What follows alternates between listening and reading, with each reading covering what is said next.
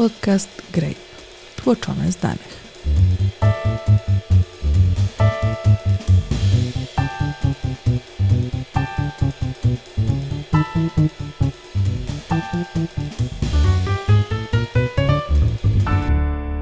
Urlop ojcowski brać czy nie brać? Szkodzi karierze, obniża pensję, pozbawia awansu, może unieszczęśliwia ojców, psuje relacje z partnerką, czy te kilka tygodni tylko z ojcem może zaszkodzić dzieciom? Odpowiedzi poszukamy z Magdaleną Smyk-Szymańską. Dzień dobry. Joanna Tyrowicz. I Marcin Bojanowski. Zaczynamy. Mówimy, nie ucz ojca dzieci robić, a może powinniśmy naucz ojca dzieci bawić? Jak jest z tym ojcowskim? Magda, co wytłoczyłaś z danych? No myślę, że warto zacząć od własnego podwórka. Powiedziałeś urlop ojcowski. Przez urlop ojcowski najczęściej rozumiemy, no, najczęściej rozumiemy po prostu te dwa tygodnie, które przysługują tylko i wyłącznie ojcom i one są e, głównie pomyślane w taki sposób przez ustawodawcę, żeby ojciec w tym czasie był wsparciem dla matki, która, która to jest świeżo po porodzie i, i, i, wsparciem dla dziecka. Natomiast oczywiście ojciec może wziąć inny rodzaj urlopu związanego z opieką nad dzieckiem. I jesteśmy właśnie świeżo po, po wprowadzeniu zmian w przepisach kodeksu pracy dotyczącego e, właśnie urlopów rodzicielskich, czyli tych e, związanych z opieką nad małym dzieckiem, po tak zwanym wdrożeniu dyrektywy Work-Life Balance i od, e, I od teraz urlop rodzicielski w zamyśle może i powinien być dzielony między rodziców. Co najmniej 9 tygodni przysługuje każdemu z rodziców, czyli w zamyśle 9 e, tygodni przysługuje tak samo ojcu, jak i matce. Oczywiście pozostałą część e, rodzice mogą dzielić e, zgodnie zgodnie ze, ze, z wewnętrzną, że tak powiem, domową, domową decyzją. Oczywiście urlop rodzicielski rodzice mogli dzielić między sobą również wcześniej, natomiast z naszego podwórka wyglądało to tak, że w 2021 roku, podobnie w 2022 roku, mężczyzn, czyli ojców, którzy korzystali z urlopu e, rodzicielskiego, było zaledwie 1%. Ale co znaczy ta liczba 1%? 1% to jest e, liczba mężczyzn pobierających zasiłek macierzyński, czyli przebywających na urlopie rodzicielskim, podzielona przez liczbę urodzonych w danym roku dzieci. Ale w tym samym czasie na rzeczonym urlopie macierzyńskim mogą być też mamy tych dzieci. Zgadza się. Y, ta statystyka jakby nie mówi nam, ilu, ilu w tym czasie ojców samodzielnie zajmowało się dziećmi. Ale z pewnością ojców samodzielnie Ale mówi, że niezbyt się, wielu. Dziećmi jest jeszcze mniej, no skoro tak. ten 1% to tak. jest także potencjalnie ci, którzy Jak najbardziej dzielą tak. się. Okej, okay, ale ilu ojców korzysta z tych dwóch tygodni, które tylko im przysługują? Z tych dwóch tygodni tutaj jest znacznie lepiej, 55%. Czekaj, czekaj, 55%. To znaczy, to jest niezbywalne urlop dla ojca. Przeznaczony tylko i wyłącznie dla ojca, dokładnie tak. I 45%, czyli niemal połowa ojców z niego nie korzysta. Dokładnie tak. Co więcej, to jest czas, to ja nie w którym... wiem, czemu ty mówisz, że to jest dużo lepiej. No tutaj masz rację, w sensie tym bardziej, że e, tym bardziej, że to są pełnopłatne tygodnie, tak? Mężczyźni w tym czasie otrzymują, otrzymują zasiłek w wysokości swojego wynagrodzenia. I to jest tak, że pracodawca nie może odmówić takiego urlopu. Tak, pracodawca nie może odmówić urlopu. Czyli 45% ojców dobrowolnie rezygnuje ze świadczenia w pełni płatnego, żeby być w domu ze swoimi dziećmi wtedy, kiedy się urodzą. Tak to wygląda. To znaczy, że ta norma społeczna, że pracodawca i pracownik rozumieją, że tata też jest rodzicem, nie jest w Polsce jakoś na razie bardzo silnie ugruntowana. No nie wygląda na to. To ciekawe. Jak to wygląda w innych państwach? Jeśli porównamy sobie sytuację w Polsce do chociażby sytuacji w Szwecji, to tam 8 na 10 ojców przynajmniej przez jakiś czas, przynajmniej przez 3 miesiące samodzielnie opiekuje się dziećmi, a e, ostatnio też dotarłam do takiej statystyki mówiącej o tym, że 1 czwarta ojców w Szwecji korzysta, jakby wykorzystuje cały możliwy dla jednego rodzica czas urlopu e, rodzicielskiego. I to samodzielnie znaczy, że w tym czasie mama pracuje. Tutaj też jest różnie, ale takie sytuacje są zdecydowanie częstsze w, w Szwecji niż w Polsce, że mama pracuje, a tata w tym czasie zajmuje się dzieckiem. Szwecja to też jest takie, powiedziałaś, chociażby w Szwecji, to nie jest bardzo oczywisty punkt odniesienia, biorąc pod uwagę normy równościowe, które panują w państwach skandynawskich w porównaniu na przykład do nie wiem, Niemiec czy Austrii, albo państw e, Europy Środkowej i Wschodniej, ale jest to przepaść, e, jeśli chodzi o wykorzystanie w pełni finansowanego, przypomnijmy, prawa do przebywania z dziećmi w domu. No tak, tutaj oczywiście mamy, mamy różne, różne rodzaje tych urlopów i w związku z tym te, te wynagrodzenie w przypadku urlopu ojcowskiego jest pełne, w przypadku urlopu rodzicielskiego ono jest tam pomniejszone, ale, ale jest, jest to finansowany czas opieki nad dzieckiem. Ale myślisz, Magda, że to jest kwestia braku wiedzy o prawach pracowniczych, czy braku woli wykorzystania tych praw po stronie pracowników? Myślę, że to jest kombinacja, przynajmniej tak to wygląda na poziomie deklaracji. Z jednej strony 60% Polaków i aż 80% Polek deklaruje, że chciałoby, żeby mężczyźni, ojcowie w większym stopniu angażowali się, uczestniczyli w opiece i w wychowaniu dzieci. Z drugiej strony też pracownicy deklarują, że nie wiedzą, jak pracodawca zareaguje na taką, na taką wolę. Część zespołu Grey współpracuje z taką fundacją, która się nazywa Share the Care która poza tym, że promuje wykorzystanie i tworzenie nowych rozwiązań, wykorzystanie istniejących i tworzenie nowych rozwiązań dla zwiększenia równości w opiece nad dziećmi, to także wskazuje pracodawcom, jakiego rodzaju rozwiązania mogą wdrażać, jak mogą się wyróżnić tym, że są właśnie przyjaźni rodzicielstwu. Ale jeśli 60% Polaków średnio, a 80% Polek, to znaczy, że tylko 40% panów Polaków postuluje zwiększenie opieki nad dziećmi przez ojców. No tak wynika z tej statystyki tak pół Jeszcze pół. mogą nie mieć zdania. Jeszcze mogą nie mieć zdania, okej. Okay. Ojcem łatwo zostać, znacznie trudniej im być. Fundacja Dajmy Dzieciom Siłę zapytała młodych, kto jest dla nich największym wsparciem. Na pierwszym miejscu jest matka, to oczywista, chyba w Polsce. Na następnym koledzy i koleżanki, a dopiero na trzecim miejscu tata. Urlop ojcowski może to zmienić? Mamy już dość dużą grupę krajów, w którą funkcjonuje taka właśnie nieprzenaszalna część urlopu rodzicielskiego i do tej grupy krajów należą chociażby Niemcy, czyli nasz jeden z najbliższych sąsiadów. Dodajmy, że kraj o bardzo silnych normach dotyczących tego, że dziećmi powinna się zajmować mama, a nie tata. Zgadza się. I, I tamten urlop e, funkcjonuje już od e, bodajże 15 lat. To są podobnie jak u nas dwa miesiące nieprzenaszalnego urlopu i w Niemczech w tym czasie wzrastał, wzrastał udział ojców, którzy ten, ten urlop wykorzystywali, którzy spędzali te dwa miesiące z dzieckiem. Jest takie fantastyczne badanie Markusa Tama, e, właśnie dotyczące niemieckich ojców na urlopach rodzicielskich. I z tego badania wynika, że te dwa miesiące urlopu powodują, e, czy są w stanie trwale zmienić wzorce w ramach rodziny dotyczące właśnie opieki, wychowania oraz innych obowiązków domowych. Co dokładnie mam na myśli? Markus tam wykorzystuje fakt, że, że te przepisy zostały wprowadzone w określonym momencie, był chyba 2007 może rok. Wyjaśnijmy tylko, że stwierdzenie wpływa albo powoduje jest zawsze dużym wyzwaniem i generalnie na pewno są tacy tatowie, którzy bardzo lubią zostawać w domu z dziećmi i są tacy tatowie, którzy mniej lubią zostawać w domu z dziećmi i są jacyś tacy tatowie, na których można wpłynąć za pomocą instrumentów e, polityki rynku pracy i to, co jest trudne do określenia, to jest jaki jest wpływ tych instrumentów, bo jeżeli cały czas w domu zostaliby ci sami tatowie, czy byłyby te instrumenty, czy by ich nie było, no to nie jest to wpływ instrumentów, tylko po prostu pewna różnorodność w modelach rodziny. To jak Markus tam zidentyfikował wpływ urlopów? Tak, właśnie Markus tam wykorzystuje fakt, e, że, czy powiedzmy brzydko mówiąc, wykorzystuje ojców, którzy nie korzystali z urlopu rodzicielskiego przed reformą, a skorzystali z tych urlopów, kiedy zostało wprowadzone dwa miesiące urlopu do wykorzystania przez, przez każdego z rodziców. Czyli analizuje tylko takich ojców, którzy mieli dwoje dzieci? Co najmniej dwoje, tak. Jedno, pierwsze było pierwszy... w starym świecie regulacyjnym, a nowe urodziło się w nowym świecie regulacyjnym. Tak, pierwsze urodziło się przed reformą, kiedy to jakby właśnie ten procent ojców e, na urlopach był bardzo, bardzo niski. Natomiast drugie czy trzecie już po reformie. I on patrzył na tych ojców i porównywał czas e, właśnie poświęcany na opiekę e, nad dzieckiem, porównywał również czas spędzany na obowiązkach domowych przed i po reformie, tak, czyli przed i po skorzystaniu z urlopu.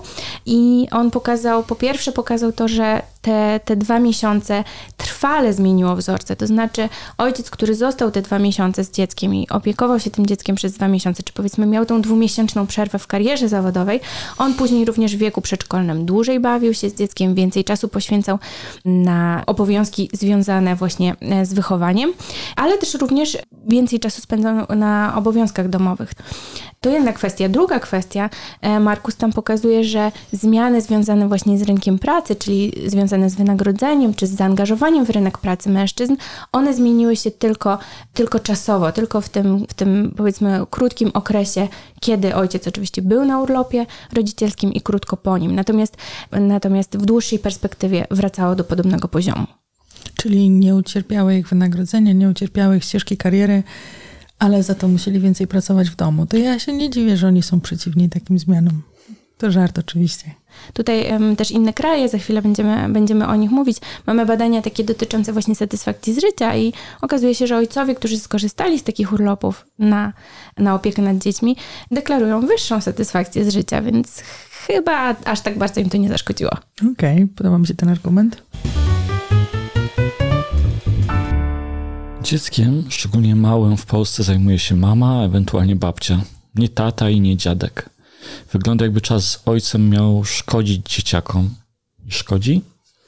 No, nie wygląda na to. To znaczy, e, badania tutaj bardziej e, już patrzące pod kątem psychologicznym na rozwój dziecka pokazują nam, że dzieci, których ojcowie bardziej są zaangażowani właśnie w wychowanie, ale też taką opiekę w początkowym okresie, mają e, większe zdolności poznawcze, szybciej, szybciej pewne osiągają etapy rozwoju, ale też w okolicy drugiego roku życia łatwiej radzą sobie z samoregulacją emocjonalną, co w tym czasie wydaje się być dla, dla dziecka dosyć kluczowe. Takie takie wyniki badań dostarczają nam dane z Australii, z Danii, z Wielkiej Brytanii, ze Stanów Zjednoczonych. Może nie jest to jakiś gigantyczny przekrój krajów, ale, ale faktycznie ten efekt jest e, istotny w sposób niezaniedbywalny. Ale jaki mechanizm stoi za tym, że dzieci mają lepsze zdolności, czy tam wyniki poznawcze, czy to jest kwestia tego, że mamy nie umieją nauczyć? No chyba nie. To badanie, o którym mówię, koncentruje się na zaangażowaniu ojca po prostu. Tak? To znaczy, możemy założyć, że w związku z tym możemy założyć, że niezależnie od tego, jak, jakie zaangażowanie mamy, to zaangażowanie ojca ma znaczenie. Tak? Ono jest takim dodatkowym wysiłkiem, który powoduje, że dziecko lepiej się rozwija, lepiej, szybciej, łatwiej pewne, pewne kamienie milowe osiąga. Czyli w praktyce mówimy o sytuacji, w której dziecko dostaje więcej uwagi rodziców, bo ma najprawdopodobniej uwagę mamy i do tego uwagę ojca, przynajmniej statystycznie. Tak, statystycznie rzecz biorąc, po prostu wiemy, że to dziecko ma więcej uwagi ojca, a potem ma lepsze wyniki. Czyli gdybyśmy mieli wyciągać wnioski dla polityki gospodarczej, to nie jest to wniosek, tata musi zostawać z dziećmi sam, tylko wniosek, kiedy dzieci dostają więcej uwagi, obojga rodziców rozwijają się lepiej. Dokładnie tak. W ogóle mam takie poczucie, że badania dotyczące zaangażowania ojców e, w wychowanie, w opiekę nad dziećmi koncentrują się na tym, że ten czas jest ważny, że to zaangażowanie jest ważne. Niezależnie od tego, czy to jest zamiast, czy to jest dodatkowo, to to jest po prostu ważne. I taki myślę jest główny wniosek z, z tych badań, które już, które już wspominaliśmy. Ojcowski dzieciom nie szkodzi, to może szkodzi związkom, psuje relacje? Z badań ankietowych wynika, że ponad 90% ojców po skorzystaniu z urlopu rodzicielskiego nie tylko wyżej ocenia satysfakcję ze swojego życia, ale również lepiej ocenia swoją relację z partnerką. Są też takie badania ankietowe ze Stanów Zjednoczonych, w których oboje rodzice oceniają jakość swojej relacji lepiej, jakość e, współpracy między sobą lepiej. W parach, w których to ojcowie skorzystali z takiego urlopu, czy bardziej angażują się w wychowanie dzieci, niż w parach, gdzie takiego zaangażowania ze strony ojców nie ma. To są bardzo fajne wyniki badań w oparciu o subiektywne oceny. Mamy jakieś zobiektywizowane miary? Tak, w, w, parach, w których e, ojcowie bardziej angażują się w wychowanie dzieci, przez to mam na myśli korzystają z urlopów, korzystają z przerwy w karierze zawodowej, takie małżeństwa, takie pary rzadziej się rozpadają. Mamy jeszcze jakąś inną zobiektywizowaną miarę? małżeństwa, pary, w których, e, w których ojcowie bardziej angażują się w wychowanie dzieci, również e, tych dzieci mają więcej. Częściej decydują się na kolejne dziecko. Chociaż tutaj pewnie trudno rozdzielić przyczynowość Tak, tutaj na pewno e, trudno mówić o tym, czy to kwestia, że po prostu chcą mieć więcej dzieci. Bo lubią dzieci i Bo lubią dlatego dzieci. też zostają z nimi częściej w domu. Co ciekawe, e, też kobiety, których partnerzy angażowali się w wychowanie dzieci, rzadziej deklarują epizody depresji poporodowej. Chociaż tu też pewnie trudno nam rozróżnić pomiędzy deklarowaniem epizodów depresji poporodowej, a faktycznym występowaniem To epizodów prawda, depresji e, poporodowej. To prawda, aczkolwiek absolutnie fenomenalne badania dotyczące oksytocyny pokazują, że faktycznie jakby ten, e, ta kwestia poziomu hormonów, ona jest właśnie zależna od takiego aktywnego e, zajmowania się dzieckiem. To znaczy są takie super badania dotyczące właśnie i ojców, i matek, i oksytocyny, czyli hormonu, który odpowiada właśnie za przywiązanie, za, za opiekę nad potomstwem. I, I pamiętam e, z tego badania, początkowo one się koncentrowały na kobietach, bo to się wydaje takie naturalne, tak? Wiemy, mnóstwo badań mamy dotyczące tego, że właśnie matki, szczególnie w, w czasie karmienia piersią, doświadczają tych wyrzutów oksytocyny, tak? Czyli mamy taki obiektywny fakt, e, zmierzony poziom oksytocyny. Ale ci badacze w pewnym momencie zainteresowali się, jak to wygląda e, w przypadku ojców. I chcieli sprawdzić, czy poziom właśnie tego hormonu będzie wyższy u ojców, którzy właśnie aktywnie uczestniczą w wychowaniu, no, na tym etapie w opiece nad, nad noworodkiem. I co się okazało, ten, e, ten wynik był chyba zaskakujący również dla nich, bo nie tyle obserwowali u mężczyzn wzrost poziomu oksytocyny, obserwowali podobne poziomy oksytocyny u mężczyzn, jak i u kobiet. Mimo, że mężczyźni jak na razie nie karmią, w każdym razie nienaturalnym mlekiem. Mimo, że mężczyźni nie, nie karmili piersią, nie było przynajmniej tego, tego elementu, natomiast było dużo bliskości, było dużo przytulania i jakby sama ta bliskość, sam ten czas tak, tak naprawdę spędzany z dzieckiem powodował, że jakby organizm reagował w taki, a nie inny sposób. Empatyczne wydzielanie oksytocyny. Ojcowski przeszkadza w karierze, obniża pensję, pozbawia awansu. Nie da, się, e, nie da się oczywiście nie zauważyć tego, że w momencie, kiedy którykolwiek z rodziców, czy to ojciec, czy to matka, e, przerywają karierę zawodową i, i zajmują się dzieckiem, w tym czasie no, nie rozwijają kariery zawodowej, ta pensja przynajmniej czasowo jest niższa. Natomiast to, co pokazują nam badania właśnie związane z tym nieprzenaszalnym urlopem, czyli pokazujące sytuację, w której pary decydują się na to, żeby to ojciec zajął się dzieckiem, bo inaczej ten czas po prostu przepadnie. Te badania pokazują, że po powrocie ojców na rynku pracy, po takiej przerwie, nie widać różnic w ich zaangażowaniu w rynku pracy, to po pierwsze. Po drugie, ta przerwa w karierze nie powoduje jakichś długofalowych kłopotów związanych z, z rozwojem ścieżki kariery. Ojcowie, którzy przerwali karierę zawodową, żeby zająć się dziećmi, oni faktycznie potem, jak wracają, często jakby statystycznie e, mniej godzin spędzają w pracy, ale ich stawka godzinowa jest wyższa, więc de facto wychodzą, wychodzą na, to, na to samo. A czy to nie wynika z tego, że ta przerwa u ojców na opiekę nad dzieckiem jest krótsza niż u matek i dlatego ten efekt później na wynagrodzenia, na karierę matki jest silniejszy? Czy to też ma znaczenie, ale pamiętajmy, że to ma znaczenie też dla kobiet. To znaczy kobiety, które powiedzmy, że zamieniają się z, z mężczyzną na ten urlop, też są w związku z tym krócej na urlopie e, rodzicielskim i w związku z tym szybciej wracają do pracy i też ich kariera mniej cierpi.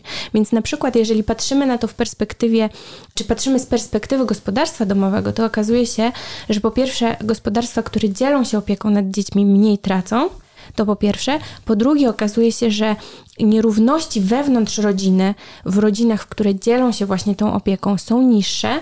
I co ciekawe, one są niższe głównie ze względu na to, że matki mniej tracą, że rośnie szybciej wynagrodzenie kobiet.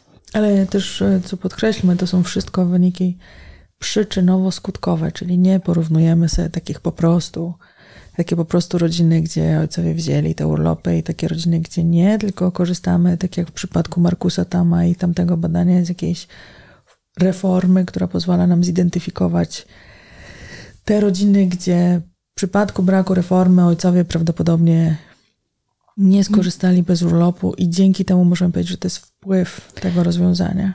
Tutaj po pierwsze patrzymy na reformę, po drugie patrzymy, dokładnie porównujemy sytuację wewnątrz gospodarstw domowych, czyli nie porównujemy średniej matki do średniego ojca, tylko patrzymy jak to wyglądało w rodzinie, tak, ze wszystkimi e, konsekwencjami, ze wszystkimi czynnikami, których nie jesteśmy w stanie obserwować, e, kiedy po prostu porównujemy średnią matkę i średniego ojca. To, co dodatkowo pokazują badania, to że ojcowie, którzy aktywnie zajmują się swoimi dziećmi, są w lepszej kondycji psychicznej i fizycznej. Wychodzi na to, że gdziebyśmy tego nie badali, czy są Niemcy, Australia, Szwecja, to mamy same plusy.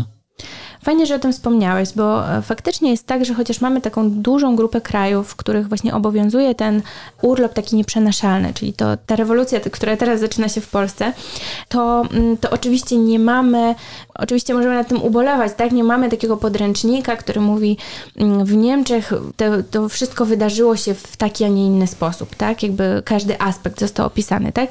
Mówimy o badaniach pochodzących z różnych krajów, natomiast główny wniosek jest taki, że nie obserwujemy minusów.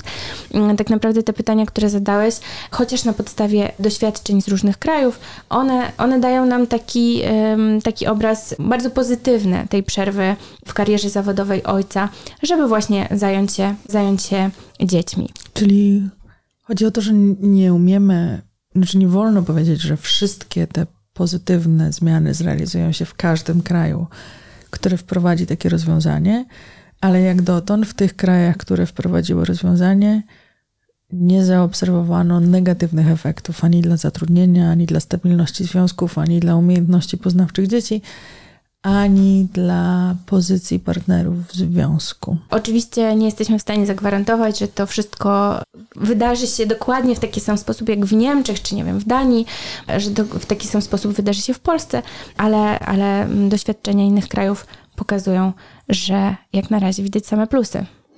Czy to ma znaczenie, z jakiego poziomu się zaczyna? To znaczy, na ile norma społeczna jest zgodna z normą prawną? Na pewno wspominana już dzisiaj Fundacja Sherteker, która naprawdę fantastyczną pracę wykonywała, żeby zmienić legislację, sama mówi o tym, że to nie jest koniec ich pracy, bo mamy zmianę przepisów, ale to nie jest koniec naszej pracy. Teraz będziemy dopiero obserwować, na ile w ogóle ojcowie skorzystają z tych, e, z tych urlopów, natomiast nie oszukujmy się, normy są bardzo silne, nie tylko u nas, tak? Z jednej strony wspominaliśmy już w Niemczech o tych bardzo silnych normach i tam ciekawa sprawa, ciekawe badanie dotyczące właśnie urlopów przeznaczonych, no statystycznie rzecz biorąc, dodatkowych urlopów dla ojców. Tam um, bardzo silne normy dotyczące właśnie podziału ról w rodzinie, to głównie mama ma zajmować się dzieckiem, a tata pracować. W Niemczech przeprowadzono badanie, w którym sprawdzono, czy to, że ojciec zdecydował się na taki urlop, Gdyby się nie zdecydował, ten urlop by przepadł. Zmieniło jakoś postrzeganie właśnie ról e, rodziców. I okazało się, że tak, zmieniło, natomiast e, zmieniło w pokoleniu do tyłu. To znaczy zaobserwowano zmiany w deklaracjach dziadków, w tym dziadków tych ojców, którzy zdecydowali się na urlop związany z wychowaniem dzieci, dotyczący tego, jaka jest właśnie rola e, matki, e, czy matki, czy kobiety w, w domu, tak? Ci z pokolenia wyżej, dziadkowie, częściej, częściej akceptowali to, czy, czy częściej sami deklarowali, że matka i ojciec powinni dzielić się opieką nad dziećmi i powinni dzielić się aktywnością zawodową. Czyli teściowie tych matek. Teściowie tych matek, tak. To bardzo ciekawy efekt. Oczywiście to jest y, bardzo mała część y, zatrudnienia, ale w niemieckiej akademii jest taki bardzo wyraźny podział pokoleniowy pomiędzy profesorami starszymi ode mnie i młodymi naukowcami. Ci młodzi bardzo intensywnie korzystają z urlopów ojcowskich i decydują się na dzieci przed profesurą, przed często skończeniem doktoratu. A ci starsi patrzą na to i po prostu przecierają oczy ze zdumienia, że w ogóle, że to jakaś głupota, że oni w życiu by sobie nie pozwolili na dzieci przed doktoratem albo przed uzyskaniem profesury, że w życiu by sobie nie pozwolili na to kilka miesięcy przerwy w pracy naukowej, więc ta zmiana norm, i tu mówimy o ludziach, których dzieli, nie wiem, 15 lat, nie, nie 50, czy całe pokolenie, więc e, ta zmiana społeczna zachodzi powoli, ale też ci moi starsi koledzy e, patrzą, płaczą, ale powiedzieć nie, nie mogą. A ponieważ stało się to powszechne w młodszym pokoleniu, to też nie są w stanie dyskryminować pomiędzy tymi ojcami, którzy się na opiekę nad dziećmi zdecydują i tymi, którzy nie, bo oni wszyscy się decydują na opiekę nad dziećmi. To też jest taki ciekawy aspekt, że żeby ta norma się przyjęła, musi mieć charakter powszechny. W przeciwnym przypadku człowiek się zawsze będzie czuł jak ten jeden jedyny, który korzysta czy ojciec się będzie zawsze czuł jako ten jeden, jedyny, który korzysta z przysługujących mu praw pracowniczych.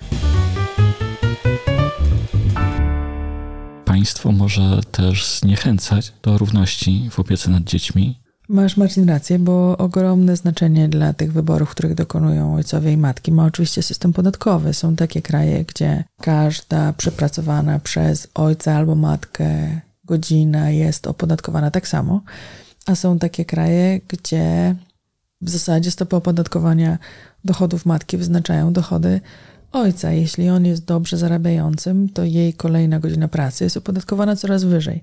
Tłumacząc bardzo zawiłego na prosty, system podatkowy może prowadzić do sytuacji, w której mamie nie opłaca się pracować, ponieważ rodzina zapłaci większy podatek, jeśli ona będzie pracowała, niż jeśli w ogóle nie będzie pracowała. I takie bodźce wynikające z systemów podatkowych czy systemów świadczeń oczywiście mają wpływ na to, jak rodziny dokonują wyborów o podarze pracy, to czy mama jest w ogóle aktywna i czy w ogóle będzie wracała, czy w ogóle uczestniczy w rynku pracy, czy będzie wracała na rynek pracy po urodzeniu dziecka, ale jest też chyba bardzo ciekawy przykład dotyczący opieki nad chorym dzieckiem. Fajnie, że o tym wspomniałaś, że że tym takim chyba jednym z głównych i naturalnych argumentów, które się pojawiają w, w związku z tą taką specjalizacją, czyli tym, że to, to kobieta zajmuje się dzieckiem, to jest właśnie ten, ten wątek finansowy, tak? Natomiast mamy... Wątek mamy... finansowy, czyli jeśli mam chore dziecko i mamy chore dziecko mhm. i ja zostanę w domu albo mój partner zostanie w domu, to ponieważ w okresie choroby dziecka dostaje się tylko część swojego stałego dochodu, tak samo jak w okresie własnej choroby, to rodzina traci mniej, Dokładnie jeśli w domu tak. zostanie ta osoba, która zarabia mniej.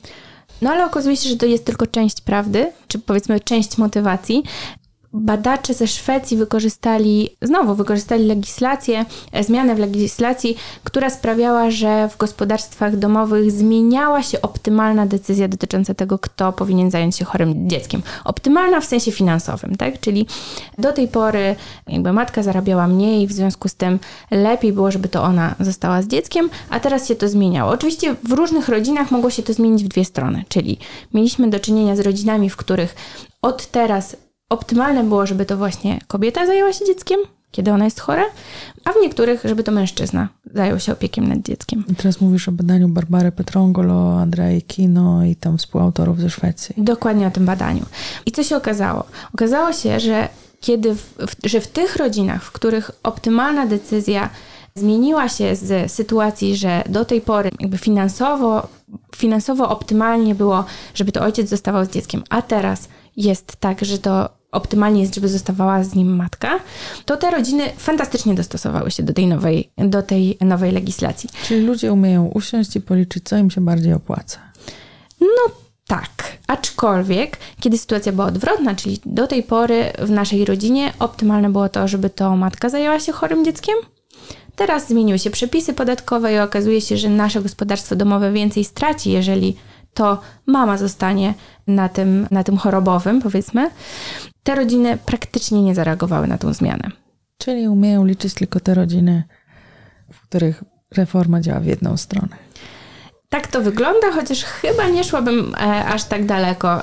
Tutaj chyba na przeszkodzie stoją jednak bardzo silne normy.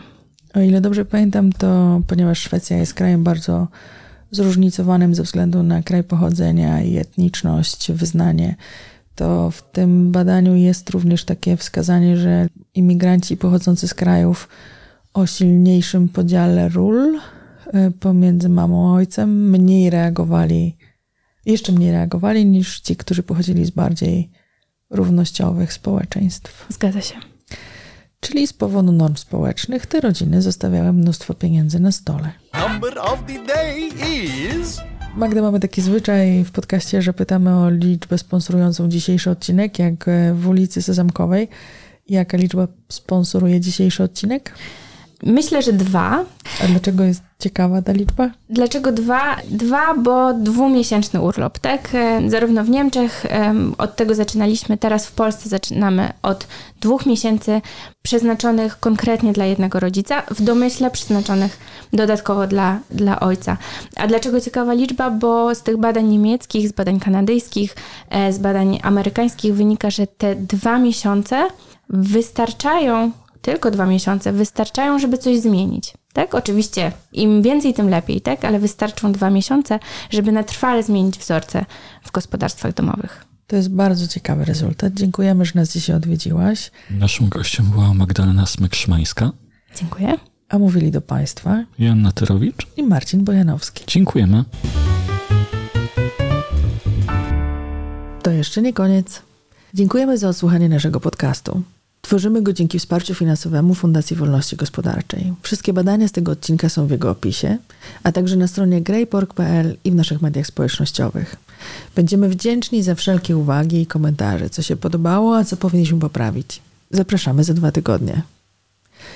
No i teraz już koniec. Do usłyszenia. Thank you.